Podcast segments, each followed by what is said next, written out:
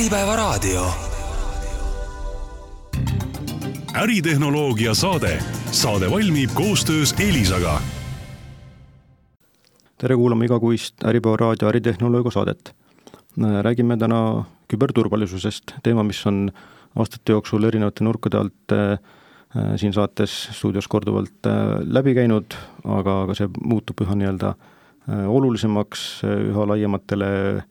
osapooltele, meie raadiokuulajate ettevõtetele, palgatöötajatele, riigiametnikele, tavalistele nii-öelda eraisikutele ja, ja küber nii-öelda ohte tekib juurde, võimalusi nende tõrjumiseks samuti, proovime natuke nii-öelda kogemusi jagada ja ja vaadata hetkeseisu ja, ja ettepoole samuti.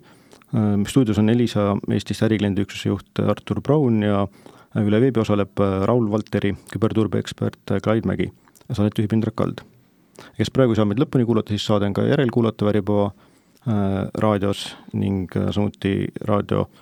veebis ja mobiiliäpis. aga esimese küsimusena ma küsin, et äh, kui küberturbe kohta öeldakse, et, et kui kõik on hästi, siis pole seda näha, sellest ei räägita. ajakirjanduse mõttes võiks öelda, et nii-öelda uudist ei ole. rääkima hakatakse alles siis, kui midagi juhtub. et äh, kuidas me teame, et me oleme kaitstud või kuivõrd seda üldse teada ja seda teadmist usaldada saame? Ja tervist ka, tervist ka minu poolt. ega ta tegelikult selline keeruline küsimus ole ja, ja me võime ju võrrelda seda küberturvalisust ähm, kõikvõimalike teiste valdkondadega, et täpselt samamoodi, kui meil tänavate peal midagi juhtu ja kuritegevust ei ole, kui palju me siis politseinikest räägime. kui ükski lennuk alla ei kuku ja ühtegi lennuõnnetust ei ole, kui palju me siis lennukite turvalisusest parasjagu räägime et see kipub olema jah niimoodi, et me, me keskendume nendele asjadele ainult siis, kui on äh, olukord, olukord halvasti ja kõik hästi on, siis me ei taha sellest rääkida, sellepärast et see ei ole huvitav, vaatamata sellele, et taustal tehakse ära suur töö. aga seesama küsimus, et kuidas me seda teame, äh, ongi siis seesama nii-öelda kogemus ja, ja teadmine nende inimeste poolt, kes taustal seda tööd teevad ja kes, kes üldse mitte ei pea olema, ei pea olema kogu aeg pildis, aga nad peavad oma tööd hästi tegema ja teadma siis nii-öelda, mida nad teevad, mida me kaitseme, miks me kaitseme. Ja loomulikult siis suur küsimus on, et mis on see mõju, äh, mis võib juhtuda, kui ja see viimane võib-olla on vaata, et sihuke kõige valusam teema, et meil on jätkuvalt väga palju asutusi, kes ei ole võimelised äh, äh, nii-öelda siis kas õigesti ja adekvaatselt hindama võimalikku mõju enne, kui siis tegelikult see olukord juhtub ja, ja siis me nii-öelda hakkame alles aru saama, mis tegelikult tähendas üks, üks küberintsident või, või mingisugune küberrünne ja, ja tere ka minu poolt, et äh, jah, hästi nõus. Muidugi ütleme, et kas me teame, et, et kas me oleme kaitstud või, või me ei tea, kas me oleme kaitstud, et äh, et siis tasuks nagu küsida seda, et äh, kellegi käest, kes, äh, kes sellest võib-olla paremini aru saab, et aga noh, võib-olla ma ei tea, kuidagi hästi praktiliselt, et ja nagu niimoodi ettevõtte vaatest, et siis äh, igas ettevõttes ma arvan, et keegi inimene äh, peaks olema, et, et kes võiks natukene küberturvalisust olla huvitatud ja, ja kui, kui selline inimene ettevõttes olemas, et äh, siis, äh, siis võiks, võiks nagu temaga vestelda, et ja tema, tema abi paluda. aga kui sellist inimest ei ole, et, et siis ikkagi tasuks leida endale koostööpartner, kes siis võiks teha kas või sellise elementaarse küberturvalisuse auditi ja, ja, ja sealt ma arvan, et, et saaks juba ka vastuseid, et, et mis, mis selline hetkeseis on. Äh, mis on nagu muidugi oluline, on see, et, et ettevõte peaks ikkagi teadma oma IT-keskkonda, ta peaks nagu mõistma seda, et, et millised äh, on protsessid, aru saama sellest, et millised on nende nõrgad kohad, mm, äh, ja noh, ütleme, kui ettevõttesiseselt ei ole seda teadmist olemas, aga ka siis partneri kaudu kindlasti on võimalik nii-öelda viia kokku siis äh, need ohud äh, siis äh, selle äh, siis küberruumis ärakasutamise võimalustega, et ja, ja siis sealt ka järeldada, et millised võivad olla siis vastavad tagajärjed, et kui, kui midagi halvasti läheb. aga ütleme ka hästi selline praktiline tegevus on see, et, et kui üle vaadata, et millised paroolid on kasutuses, kas need on lühikesed, kas on kaheastmeline autentimine või, või ei ole kas äh, süsteemid äh, on välisvõrgust kättesaadavad äh, ja, ja ütleme, kõik, kõik võib-olla sellised mingis mõttes elementaarsed asjad, aga, aga sealt tulenevalt ongi kõige mõistlikum alustada sellest, et, et, et olekski nii-öelda selline küberhügieen oleks korras, et et on siis näiteks olemaski pikad paroolid, on kaheastmeline autentimine, on viirustõrje, tulemüür on varundamine ja logimine, monitoorimine, et, et noh, see, see võib-olla läheb juba selliste, selliste nagu ütleme, ettevõttesiseselt on võib-olla seda isegi keeruline teha, aga ka siis ennekõike ju need kahte viimast mõelda siis partneri teenusena. ja, ja ütleme, sellised küpsemad ettevõtted muidugi siis äh, võiksid võtta ette juba siis infoturbe standardi ja, ja selle, selle valguses enda tegevust äh, kaardistada analüüsida sa ütlesid ennem, et, et noh, tavaliselt ettevõttes on üks inimene, kelle vastutusala see on ja temaga nii-öelda võiks rääkida, et kui suur risk on see, et enamasti ma kujutan ette, ettevõtetes, asutustes nendest turvameetmetest on nii-öelda vähesed seal töötajatest nagu kursis, et kui suur risk see on, et on nii-öelda see teadmine on koondunud liiga, liiga kitsasse ringi? Äh, no ma arvan, et äh, eks see risk on täpselt samasugune nagu ükskõik mis teise ametikoha juures, et, äh, et selles mõttes igas ettevõttes peaks ikkagi nagu mõtlema ka selle peale, et, et sellised kriitilised ametikohad ja kriitiline kompetents oleks dubleeritud äh, aga noh, see dubleerimine ei pea ilmtingimata toimuma siis ettevõttesiseselt, vaid see võib toimuda ka läbi partneri. et äh, ja noh, selle, selles osas tasub äh, siis igal ettevõttel hinnata, et, äh, et noh, ütleme sõltuvalt ettevõtte suurusest muidugi, et, et ei piisa ka ainult ühest küberturvalisuse spetsialistist või küberturbe, turbejuhist, vaid peab olema siis ütleme siis juba küberturbetiim ja, ja kui on seal kaks-kolm inimest, et äh, eks nagu inimeste arvu suurenemisega ka see, see risk nagu nii-öelda tasandub või, või seda, seda on võimalik hajutada. niikaua, kui me räägime ettevõttest mm,, on võib-olla asjad natukene võib-olla isegi paremad, aga tuues puhtalt enda sellise praktilise näite, olles töötanud nii eraettevõtetega kui, kui riigiasutustega ja, ja nii Eestis kui, kui äh, nii-öelda laias maailmas ma tõmbaksin niisuguse suhteliselt punase rasvase joone siis era- ja avaliku sektori, sektori vahele. ehk siis kõik, mis Artur rääkis, kõik on õige äh, sellise väikse nüansiga, et väga tihti me jõuame, jõuame küsimuseni, aga miks me seda teeme, ehk siis, et mis see mõju on, ma tulen selle mõju juurde tagasi, ma seletan selle mõju kohe lahti ka. Ähm, olles siis äh, Artur mainis ka seda infoturbe standardit ja, ja Eesti uus infoturbe standard EITS on, on siis hea näide, kus on välja töötatud niisugune väga korralik raamistik, kuidas üks asutus peaks, peaks oma infoturbele tähelepanu pöörama ja seal on äh, väga palju rõhku pandud sellisele nii-öelda mitte IT, mitte infoturbe inimestele, vaid samamoodi, mis on roll siis nende samade protsesside teenuste omanikel ja mis on äh, juhtkonna roll ja üldse kõikide teiste inimeste roll kogu infoturbe, turbe tagamisel. ja, ja olles siis asutusi konsulteerinud sellel teemal, jõuamegi sinnamaani, et hakkame siis mõjude hindamisega pihta, et hakkame, püüame aru saada, mida meie asutus pakub väljapoole, kas siis kliendile või kodanikule ja mis võib juhtuda, kui, ehk siis hakkame sellist nii-öelda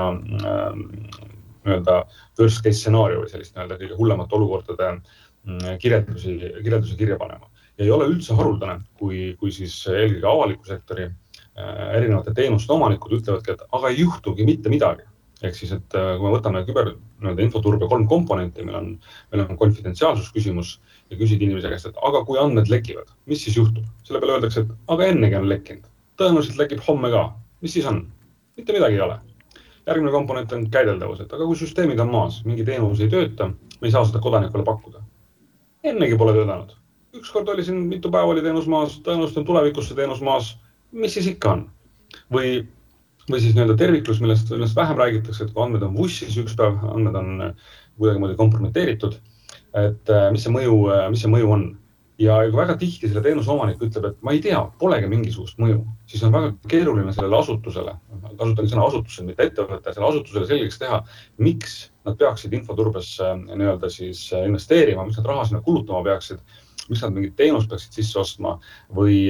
või muud sellised nii-öelda infoturbemeetmed kasutusele võtma. Et me peame aru saama sellest võimalikust mõjust, miks me seda teeme ja seesama lihtne näide, et, et, et mida me kaitseme et kui meil on, meil on eramaja, meil on aed, meil on aias pisikene puukuur, seal puukuuris on meil paar sületäit küttepuid, kaks reha, kaks labidat. nüüd on küsimus, et mis on väärtus, mis saab juhtuda, kui sinna puukuuri sisse murtakse või see puukuur näiteks, näiteks maha põleb. see nii-öelda võimalik kahju suurus on, noh, ma ei tea, oletame viissada eurot. me ei hakka panema sellele puukuurile metallust signalisatsiooni, kaameraid, kuulikindlaid klaase, kõiki muid asju, selleks kulutama viite tuhandet eurot, et kaitsta seda viiesaja euro väärtusest võimalikku kahju nüüd juhul, kui me hoiame kulda hunnikus selles puukuuris, ilmselgelt me oleme nõus sinna palju rohkem kulutama selle kuuri kaitseks. et see kuld nii-öelda meil ära ei varastataks seal või sellega midagi muud juhtuks. ehk sellise mõjuhinnangu äh, nii-öelda arusaamine mõjuhinnangust, mis see võimalik kahjutsenaarium on, mis juhtuda saab, et see on teinekord selline väga suur pähkli küsimus ja niikaua, kui me vaatame otsa nendele või suhtleme nende inimestega, kes ütlevad, aga mitte midagi ei juhtu, siis tahaks ka aeg-ajalt käed püsti tõsta ja öelda, et aga selge, siis meil ei ole ka infoturvalisusega mitte midagi teha, meil ei ole mõtet sinna raha kulutada, ressurssi kulutada, kui mitte midagi ei juhtu. ja nüüd äh, nii-öelda nüanss, et väline partner tuleb, teeb mõjuhinnangu ära, siis ma natukene ei taha sellega nõus olla selle tõttu, et väline partner saab teha küll ära äh, ohtude kaardistuse, väline partner saab ära teha erinevate nõrkuste kaardistuse, saab ära teha sellise nii-öelda kaks kolmandikku riskianalüüsist, aga päeva lõpuks, milline on mõju sellele asutusele kui see asutus ei ole võimeline oma teenust pakkuma, äh, kas kliendile või kodanikule või kaotab oma andmed, siis seda saab öelda ainult see asutus ise. et välise partnerina, mina samamoodi nii-öelda konsultandina väga tihti minu käest küsitakse seda, aga mis see mõju siis on? Mina ei saa öelda, mis see mõju on, mis see teie jaoks tähendab, kui teie andmed on lekkinud või teie klientide andmed on lekkinud, mis see teie jaoks tähendab, kui teie teenus ei, ei, ei toimi. ehk siis, et sellised üldse mitte IT-alased ja üldse mitte infoturbealased küsimusi, teravaid küsimusi tuleb küsida nii-öelda siis eh, juhtkonna käest, teenuste protsessi omanike käest ja nad peavad olema võimelised selle välja hääldama, mis siis juhtub, kui. Ja alles siis on võimalik hakata nii-öelda süsteemselt infoturbele lähenema see on jah, täpselt niimoodi, sellepärast et äh, pahatihti vaadatakse sellist, ütleme, küberturvalisust kui midagi täiesti sellist unikaalset äh, äh osa, noh, mis, mis võib olla, et äh, noh, see on nagu kindlustamisega, et noh, võib-olla ei juhtu, võib-olla ei juhtu. aga, aga ja noh, kui juhtub, siis, siis noh, võib, võib-olla pigem juhtub kellegi teisega. aga, aga küberturvalisus on täpselt samasugune äririsk ja, ja, ja loomulikult äh, ütleme, ükski konsultant äh,, ärikonsultant, ta ei, ei ole, ei ole, ärme räägi üldse küberturvalisusest, ei suuda seostada mingi riski realiseerumist äh, reaalse ärilise kahjuga. Et äh, see, see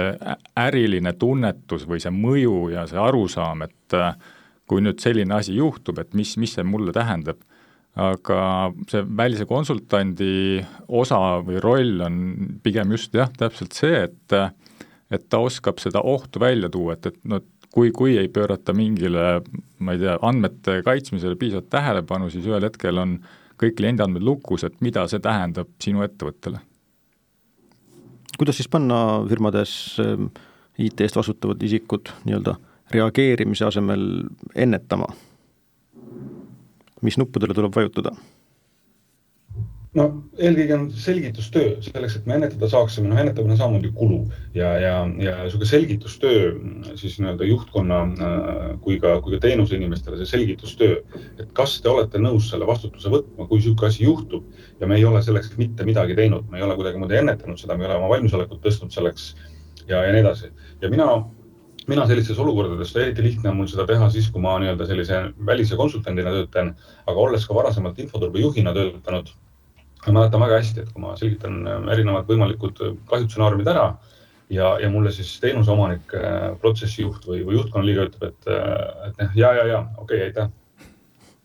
võid ära minna, et siis ma tahan saada kirjalikult paberi peal seda vastust. et kui ma toon teile ette selle võimaliku kahjustsenaariumi ja te ütlete selle kohta, et ja, ja, ja mis iganes, siis ma tahan saada seda ja, ja, ja mis iganes paberi peale teie allkirjaga. ja see on see koht, kus ma sunnin inimest seda vastutust võtma. noh, nii-öelda kaudselt sunnin. Et, et see, see nii-öelda vastutus jääks minu peale, et aga mulle keegi polnud öelnud, et meil on infoturbejuht tööl, aga näed, midagi ei olnud tehtud. ja sellisel hetkel, kui sa ütled inimesele, et selge, et kui sa ütled, et see on aktsepteeritud risk ja, ja see on meie jaoks okei okay,, siis palun kirjutage see alla siia, kui meil on paberi pealt mustvalge tõestus selle kohta olemas, siis inimene hakkab alati teist korda üle mõtlema, ennem kui ta on nõus oma nii-öelda nime äh, sinna, sinna alla kirjutama. Konsultandina mul on oluliselt lihtsam, et kui ma toon need teemad välja, siis ma niikuinii esitan oma, oma kõik arvamused ja teemad paberi peal ja tahan alati kliendi käest saada vastuse selleks, et paneksime ühe lehe peale, et mina olen nagu oma töö ära teinud. ja, ja aeg-ajalt ongi see välise konsultandi, üldse välise sellise äh, nii-öelda jõumängu toomine ja isegi kui ta räägib täpselt sama juttu nagu sisemine inimene, siis sellel on niisugune täiendav väärtus, et tuli keegi väljast ja ütles ja nüüd ma pean selle kuidagimoodi mm, vastutuse võtma või midagi arvama selle, selle välise sellise nii-öelda lauda toodud, toodud teema kohta. et need on, need on nüansid, kus me just nimelt selline nii-öelda, ma ei taha öelda harimine selle kohta, aga, aga just sellise sellise nii-öelda teadmuse toomine majja, et me peame sellest aru saama ja see ei ole puhas IT-töö, et me ei räägi ainult mingitest bittidest, baitidest, mingitest tehnilistest äh, nõrkustest ja, ja rünnetest. et päeva lõpuks on, on siin ikkagi strateegiline mõju taga ja, ja kui kogu teenus ei tööta, siis ei ole IT-probleem, see on strateegiline probleem asutuse jaoks. Clyde, nii-öelda konsultandi vaatest, kas nendest küberriskidest teadlik olemine niimoodi jõudsalt paraneb need näited, mis ennem jutuks olid, et oh, siin ikka juhtub ja ikka toimub ja niimoodi, need nagu ei kõnele sellest? ta ei ole nüüd, noh, ta on paranemas, aga ma ei, ma ei kuidagi ei, ei julgeks või ei tahaks öelda, et ta on jõudsalt paranemas, et ma jätkuvalt näen neid, neid asutusi, et noh, sama näide Eesti puhul, et, et eelmise aasta, eelmise aasta lõpus meil siis uus küberturvalisuse seadus vastu võeti, muudatused sisse toodi ja väga suur hulk asutusi siis täiendavalt pidi hakkama Eesti infoturbe standardit rakendama ja olles siis suhelnud noh, siin Eesti näitel nende paljude asutustega, siis jätkuvalt ma kuulen äh,, kuulen inimesi ütlemas, et, et riik kiusab meid, et riik on välja töötanud mingisuguse äh,, mingisuguse kohustuse äh,. See on kius, meil ei ole vaja seda teha, meil on kõik hästi. miks te meid kiusate, miks me peame midagi täiendavalt tegema ja, ja nii edasi ja nii edasi. et, äh, et seda ma ei saa kasutada ma ei, taha kuidagimoodi öelda jah, et see on jõudsalt, jõudsalt paranemas, kuna, kuna paraku on ikkagi suur hulk asutusi ja inimesi, kes ei mõista seda, seda vajadust.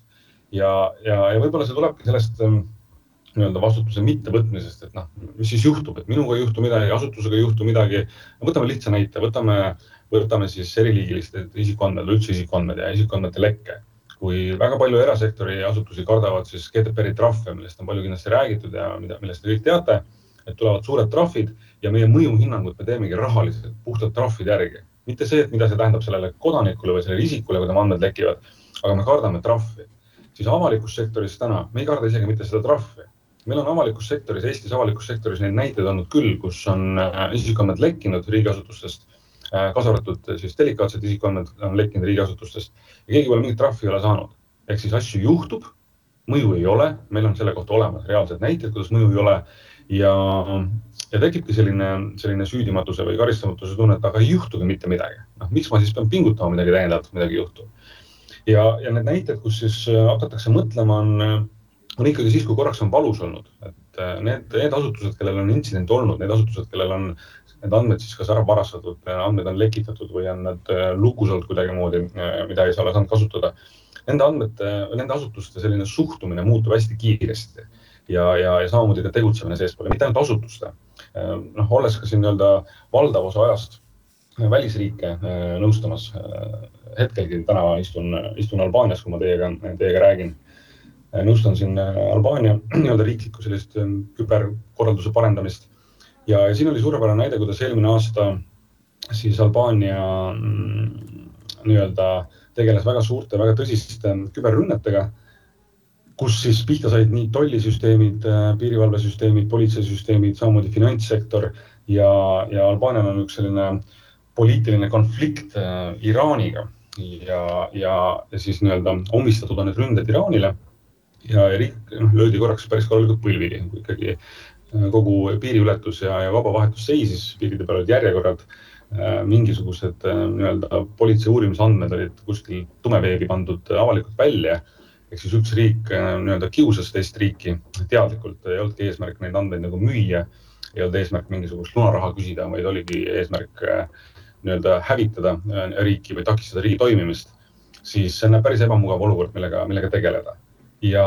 ja olles, noh, tegelikult ma Albaaniaga olen juba kokku puutunud varasemalt, enne neid suuri intsidente ja, ja täna siin kohapeal olles kogu suhtumine on muutunud kõikides asutustes, kõik saavad aru, miks on vaja midagi teha, kõik saavad aru Ähm, ka oluliselt kiiremini, et see nõuab täiendavat ressurssi. Äh, selleks ei ole vaja mitte ainult tehnilist võimekust parandada, selleks on vaja seadusandlust parandada, selleks on vaja kommunikatsiooni parandada ja, ja nii edasi nii edasi. ja teine näide on siis Costa Rica, kus siis eelmise aasta alguses lunavararünnete tõttu oli siis üheksa, üle üheksakümne protsendi avaliku, avaliku sektori teenustest ähm, nii-öelda kättesaamatud, kuna andmed olid, andmed olid lukus, küsiti miljonitesse ulatuvat, ulatuvat ähm, äh, lunaraha nõuet ning, äh, ning ma samamoodi puutusin kokku siis Costa Ricaga nii enne neid ründeid kui ka, kui ka pärast neid ründeid ja, ja väga kiiresti siis kogu riiklikul tasemel selline suhtumine ja, ja, ja lähenemine küberturbesse muutus. Ehk siis needsamad näited, noh, meie kogusime seda kaks tuhat seitse, kaks tuhat seitseteist, Albaania ja, ja Costa Rica on niisugused kõige suuremad näited siin viimasest, viimasest aastast, pooleteisest. et ongi küsimus, et kas me ootame ära need suured valusad hetked või me hakkame ennetama, et on, ongi siis asutused kuuluvadki enam-vähem kahte, kahte nii-öelda leeri, me enda poolt ütleks, et osad õpivad teiste vigadest, kuulevad, näevad neid vigu ja ennetavad ja osad peavad siis ikkagi enda nahal selle ennem järgi proovima, kui, kui hakatakse suuremaid muudatusi tegema. Et see võib olla jah, ütleme valu ja, ja selline praktiline kogemus äh, on kõige parem õppetund, aga ma ei, ei, ei soovitaks kellelegi läbi, läbi selle õppida, aga, aga õppida siis sellest, mis maailmas toimub ja ja mingis mõttes võib-olla see meie ümber toimuv tegelikult äh, loobki sellist äh, suuremat taju, et kui me vaatame, ütleme ühte, ühte analüüsi, mis, äh, mis on tehtud äh, ja kus vaadatakse siis äh, sellist majanduslikku väärtust või, või siis äh, majanduse suurust, siis siis küberkuritegevus äh, oma sellise majandusliku väärtuse poolest äh, on võrdne kolmanda majandusega siis äh, USA ja Hiina kõrval ehk et äh, see raha kogus, mis äh, küberkuritegevuses on, see on, see on sedavõrd meeletu ja, ja ta on, ta on ajas kasvav. et, äh, et kuskilt keegi alati mingit pidi, mida aeg edasi saab kahjuks omal nahal tunda seda, et, et mis, mis juhtub, kui, kui küberturvalisusega ei tegeleta. Lähme korraks nii-öelda ühte konkreetsesse küll ütleme siis välja mõeldud, aga siiski esile kerkivasse aeg-ajalt juhtumisse sisse, et kui ettevõte ongi sattunud lunaründe alla, et mingi süsteem on sisse hakitud, midagi on ära blokeeritud, küsitakse näiteks ähm, Bitcoine süsteemi taasavamise eest. et mida sa siis teed, kuidas see protsess käib? Kuidas, kuidas nende, ütleme, küberkurjategijatega äh, tulemuslikult läbi rääkida? kas on siin mingeid nõuandeid? jah ähm,, ma väga loodaks, et keegi ei pea sellega tegelema, see on niisugune esimene asi, aga, aga tõsi ta on, et aeg-ajalt sellise, sellise olukorra ees me oleme, kus me, kus me seisame silmitsi olukorraga, et kas me tõesti lõpetame tegevuse ära, kuna meil ei ole enam andmeid ja, ja me ei saa oma igapäevategevust ähm, edasi teha. või siis me, me peame asuma läbirääkimistesse ähm, kurjategijaga ning äh, maksma võimalikku äh, lunaraha selleks, et oma andmed, andmed kätte saada esimene nüanss on see, et me ei tohi mitte kunagi unustada, et tegemist on ikkagi kurjategijatega ja läbirääkimine kurjategijatega tähendab, tähendab sellist nii-öelda natuke keerulist protsessi, et me tahaksime neid uskuda, et me maksame raha ja saame, saame andmed äh,, mingi võtme, millega oma andmed lahti teha äh,. aga, aga see ei pruugi niimoodi minna. Teisest küljest on see, et kui ise ei oska seda teha, siis erinevad küberturbe, küberturbeettevõtted pakuvad täiesti sellist läbirääkimise teenust. on, on, on selline asi olemas. samas ma pean siin hoiatama, et ma olen äh, lugenud ka analüüse selle kohta, et kui kurjategija äh, tunneb ära või saab aru, et on palgatud nii-öelda läbirääkija, niinimetatud läbirääkija, siis väga tihti nendes olukordades nad äh, kohe loobuvad edasi läbi rääkimast. Ehk siis tuleb olla äärmiselt ettevaatlik, tuleb kompida, tuleb hästi vaikselt küsida, et isegi kui te kasutate sellist nii-öelda läbirääkija abi või, või nii-öelda kogenud nii-öelda siis luna lunaraha nõude läbirääkija abi, siis hoida teda ikkagi peidus ja, ja, ja selliseid, nüansse on tõesti palju, et, et ennast, ennast kurssi viia. et ma saangi aru sellest, et inimesed ja asutused ei pea ennast kogu selle valdkonnaga lõpuni kurssi viima, selleks ongi olemas äh, ettevõtted äh, turul, kes sellist teenust pakuvad.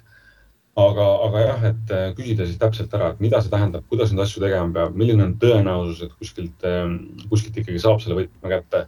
teisest küljest äh, kurjategijad väga tihti mm, on ikkagi tegemist kuritegevuste grupeeringutega ja informatsioon levib. ehk siis, et kui te maksate raha nendele ja nad teile võtit ei anna, ehk siis te ei saa teenust vastu, siis informatsioon levib ja kui järgmine ohver satub äh, selle kuritegevusliku grupeeringu ohvriks ja nad suudavad kuskilt lugeda välja informatsiooni, et raha nendele ei ole mõtet maksta, nad niikuinii meile võtit ei anna, siis see ei ole ka nende huvides. ehk siis enamasti nad ikkagi selle võtme annavad, kui nendega mõistlikul kujul, mõistlikul kujul läbi rääkida ja läbi, läbi huumori võib öelda, mis noh, mis tegelikult ei olegi huumor, on pigem selline, selline kurb huumor, on see, et kurjategijad äh, võtavadki seda kui tavalist teenuse pakkumist. väga tihti on see teenindus nende poolt väga viisakas, kommunikatsioon on väga viisakas.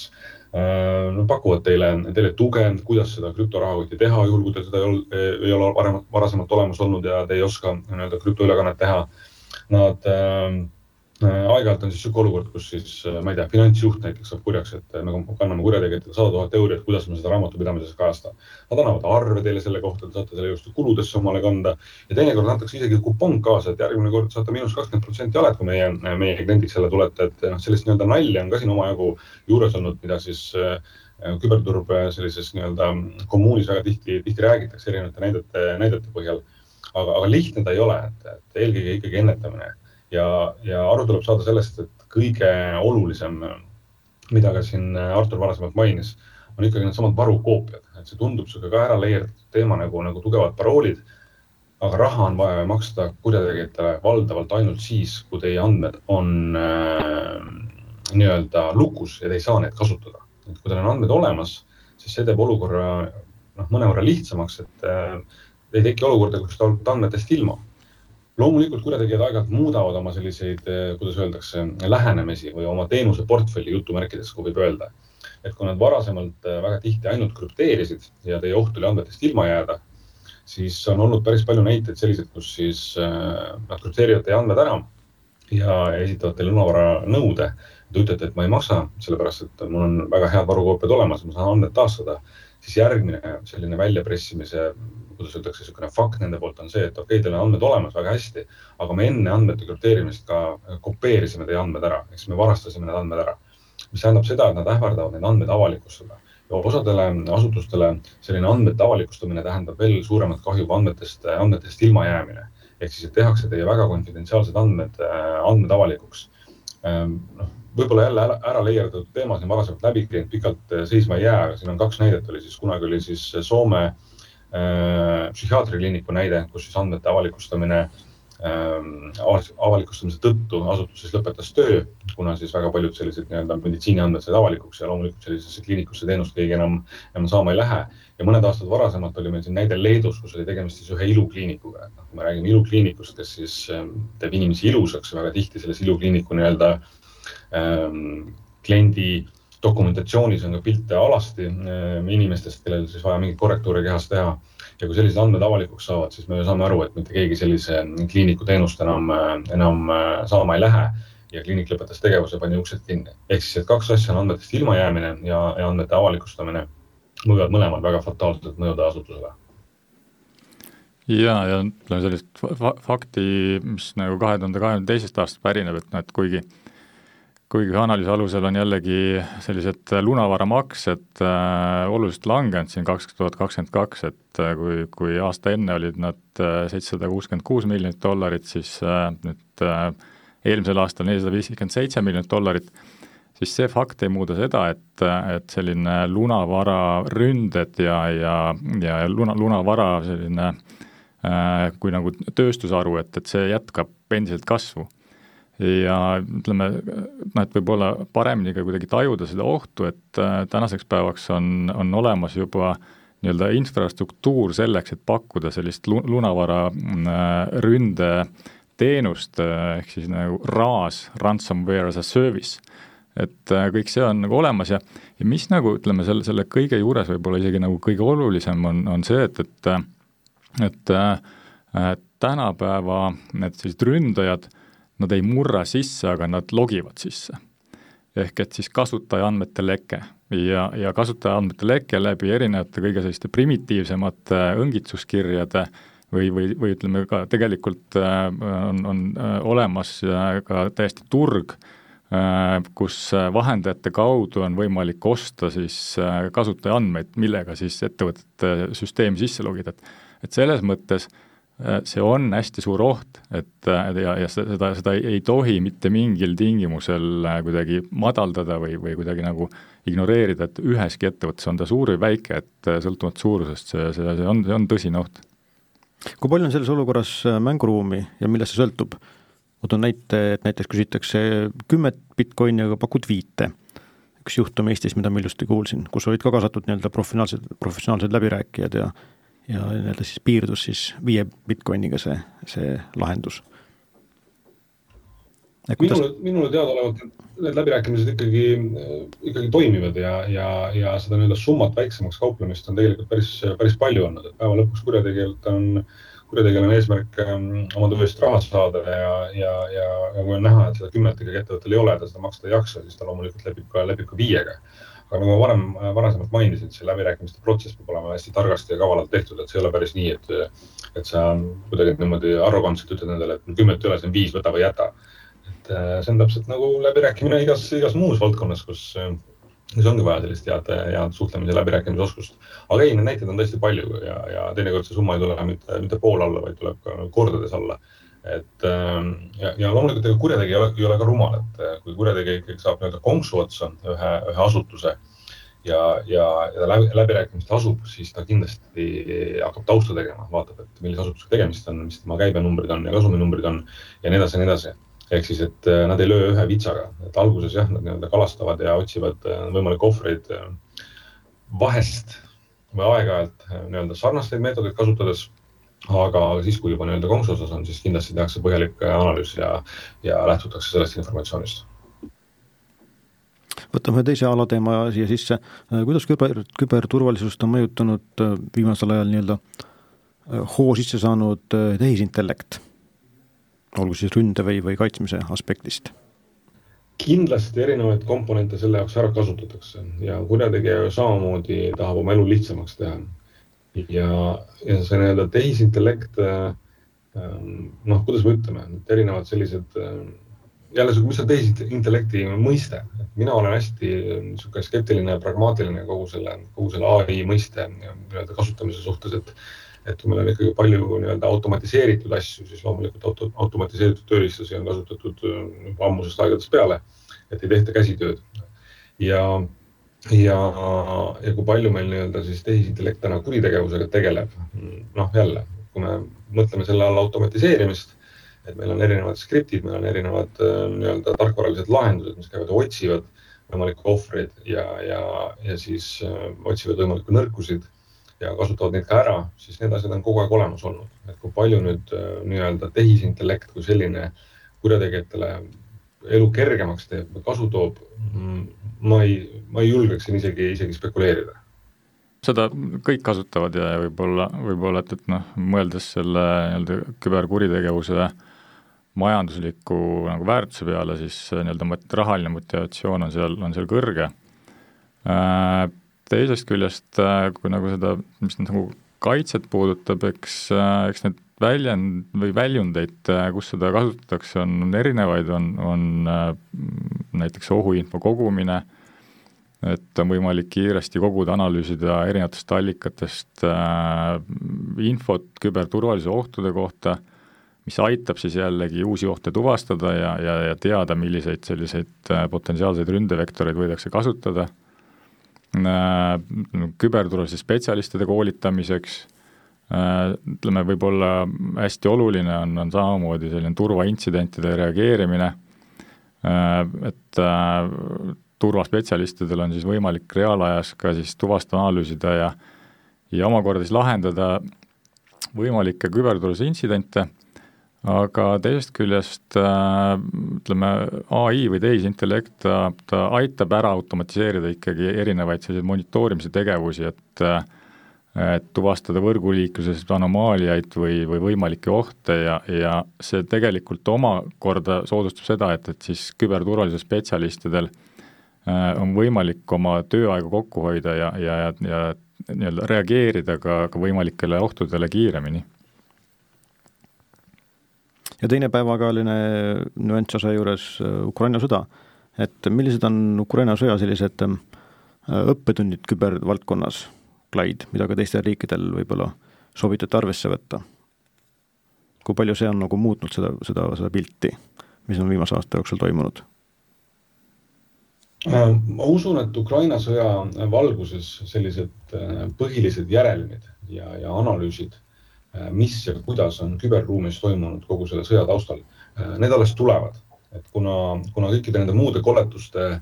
koletuste taustal küber on saanud häbiväärselt äh, vähe tähelepanu, mis, mis Ukrainas toimunud on või noh, ma ei taha öelda häbiväärselt vähe, vaid on arusaadav, et kui kuskil ikkagi reaalselt inimesed, inimesed surevad ja pommid plahvatavad, siis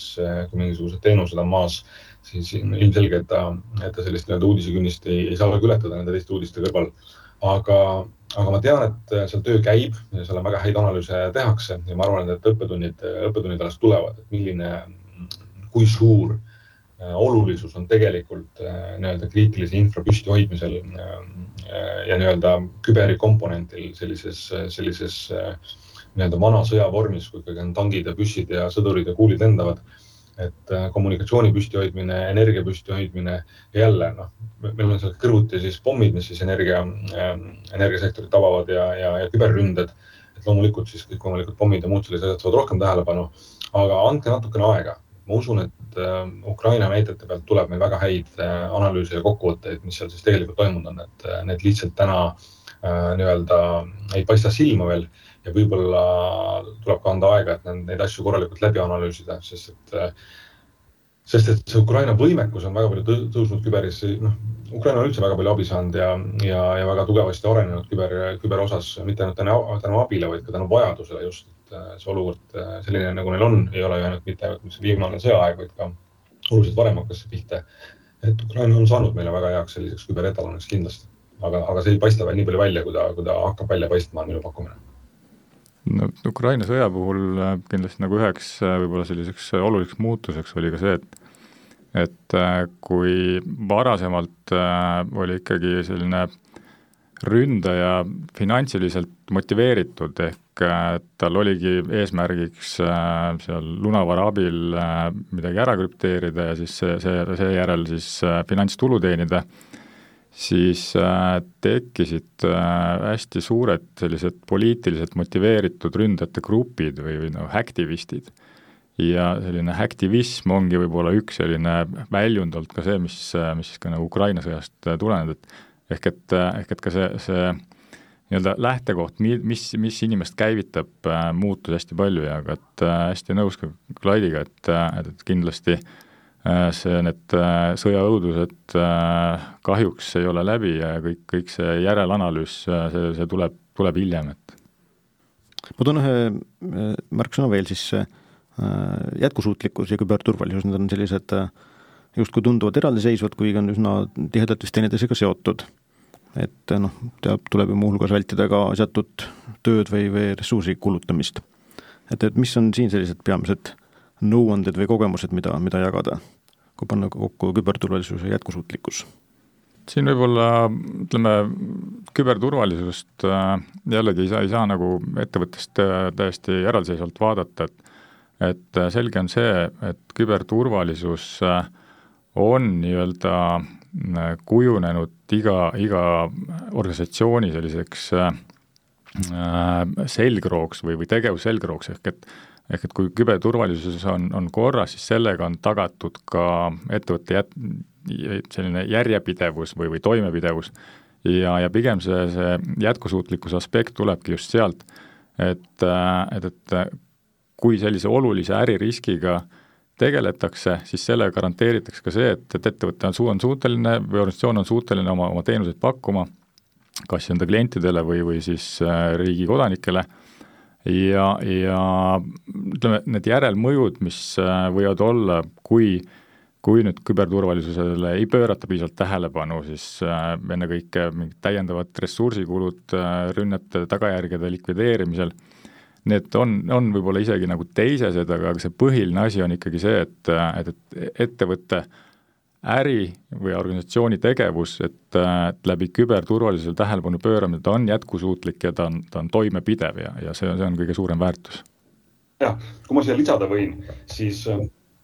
kui me, kui me räägime küberturbest ja eriti täna äh, asutuste puhul, kelle in, nii-öelda infrastruktuuri keerukus kogu aeg kasvab tänu sellele, et me noh, jätkuvalt ju tegelikult digitaliseerime asju ja, ja kõiki asju, mida me digitaalselt pakume, siis meie infra, infra nii-öelda suurus ja keerukus kasvab ja samamoodi meil on sellist nii-öelda legacy't või pärandit tekkinud hästi palju, hästi palju laua peale, siis ja, ja see nii-öelda tehnoloogia, kuidas öelda siis äh, äh, palett või spekter, meil on nagu kõikvõimalikke erinevaid asju kasutusel. ja kui me hakkame siit vaatama, kui palju on erinevaid turvameetmeid, mida me, mida me saame ja mida me peame või võime rakendada oma asutuses siis äh, noh, see ulatub tuhandetesse, et võib-olla väga väikesel asutusel on ta seal kuskil viie, kuuesaja, kuuesaja meetme juures. et tuhat, poolteist tuhat, kaks tuhat turvameedet on, on sellise nii-öelda keskmise, äh, rääkimata suure äh, asutuse või ettevõtte puhul kindlasti, kindlasti portfoolios. ja nüüd on siis küsimus, et kuidas me haldame sellist nii-öelda tuhandet pluss või mitut tuhandet turvameedet ja, ja, ja kes on see, kes keskselt silma peal hoiab, et hakkame pihta noh, kõikidest äh, nii-öelda kõigepealt sellistest äh, organisatoorsetest meetmetest, kas meil on erinevad juhendid, korrad, poliitikad paigas, siis läheme erineva nii-öelda sellise füüsilise infra kaitsmiseni ähm,, aknad, uksed ähm,, tuleohutussüsteemid ähm,, siis on meil tööstusautomaatika alates mingisugusest tõkkepuudest äh,,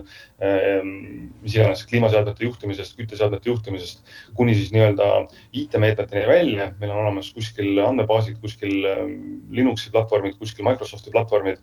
ja, ja kus on see koht, et äh, kui täna küsida asutuse käest, äh, võtta sellest tuhandest nii-öelda, keerutada lotoratast ja võtta üks meede ja öelda, palun, selline meede, kas teil on rakendatud, et kui kaua läheb aega keskmisele asutusele, et aru saada äh, või küsida või järgi uurida, kas meil just see meede on rakendatud, kus see on rakendatud, millise nii-öelda, millises infrakomponendist on rakendatud, kes see vastutav selle eest on, kes see järelevalvet selle, selle meetme rakendamise eest teeb ja nii edasi ja nii edasi. et sellise süsteemsuse loomine on, on äärmiselt oluline, et me tsentraalselt suudame need meetmed rakendada, need meetmed siduda erinevate siis strateegiliste ja äriliste riskidega ja, ja me kõik oleksime nagu, nagu ühe lehe peal. seesama Eesti infoturbestandard AIDS, mis meil laua peal on, sisaldab ka endas sellist üle, minu meelest üle tuhande kuuesaja meetme, eh, mis on, mis on Eestis ehm, kohustuslik ehm, tuhandetele asutustele, noh kõikidele riigiasutustele, elutähtsa teenuse osutajatele, digitaalse teenuse osutajatele ja, ja jumal teab kõik, kellele veel siis, äh, siis selline peavalu ongi kõige suurem, et me selle Excelisse kõik paneme, siis ta jääb meil väga selliseks staatiliseks, me ei saa aru, kus me midagi teeme, kes midagi teeb. kui me muudame mingit infrakomponenti, meil ei ole ükski asi ju siin maailmas, maailmas staatiline, meil on kõik on dünaamiline, kõik asjad muutuvad, olulisus muutub, meil on vaja tõsta aeg-ajalt mingisugust nii-öelda turva, turvataset. Äh, meil seosed muutuvad erinevate infrastruktuuri komponentide, andmebaaside, äriprotsesside vahel sellise nii-öelda dünaamilise pildi hoidmine koos kõikide nende meetmetega ja riskidega on, on äärmiselt, äh, kuidas ma ütleks, üks suurimaid väljakutseid igapäevase turbe, turbe rakendamisel. et meil on, äh, meil siiamaani ei ole olnud ka väga häid tööriistasid äh, nii-öelda turul, turul pakkuda, et kuidas me seda asja teeme, mis, mis see keskne komponent on. täna see pilt on hakanud küll natukene paranema meil siin turul aga, aga jätkuvalt ma ütleks, et niisugune süsteemne lähenemine, asutused, palun vaadake otsa nendele asjadele, kuidas te teete ja, ja kuidas te teate, et teil on kõik need asjad päriselt tehtud, mitte et ei tee seda ainult audiitori jaoks, mitte et ei tee seda ainult ähm, ähm riigi järelevalveorganite jaoks, et noh, Riigi Infostudiamet samamoodi ju teeb teeb järelevalvet infoturbestandardi rakendamise üle. et teil on tegelikult endal vaja seda teada, selleks, et tagada see nii-öelda jätkusuutlikkus. aga selle tõdemusega, kui tohib, ma võtan jutu kokku, peame saate nüüd lõpetama äritehnoloogia saates olid äh, külas äh, Raul Valteri küberturbeekspert Klaid Mägi ja Elis Eestist ärikliendi üksusjuht Artur Braun, saadet juhtis Indrek Kald. kena päeva!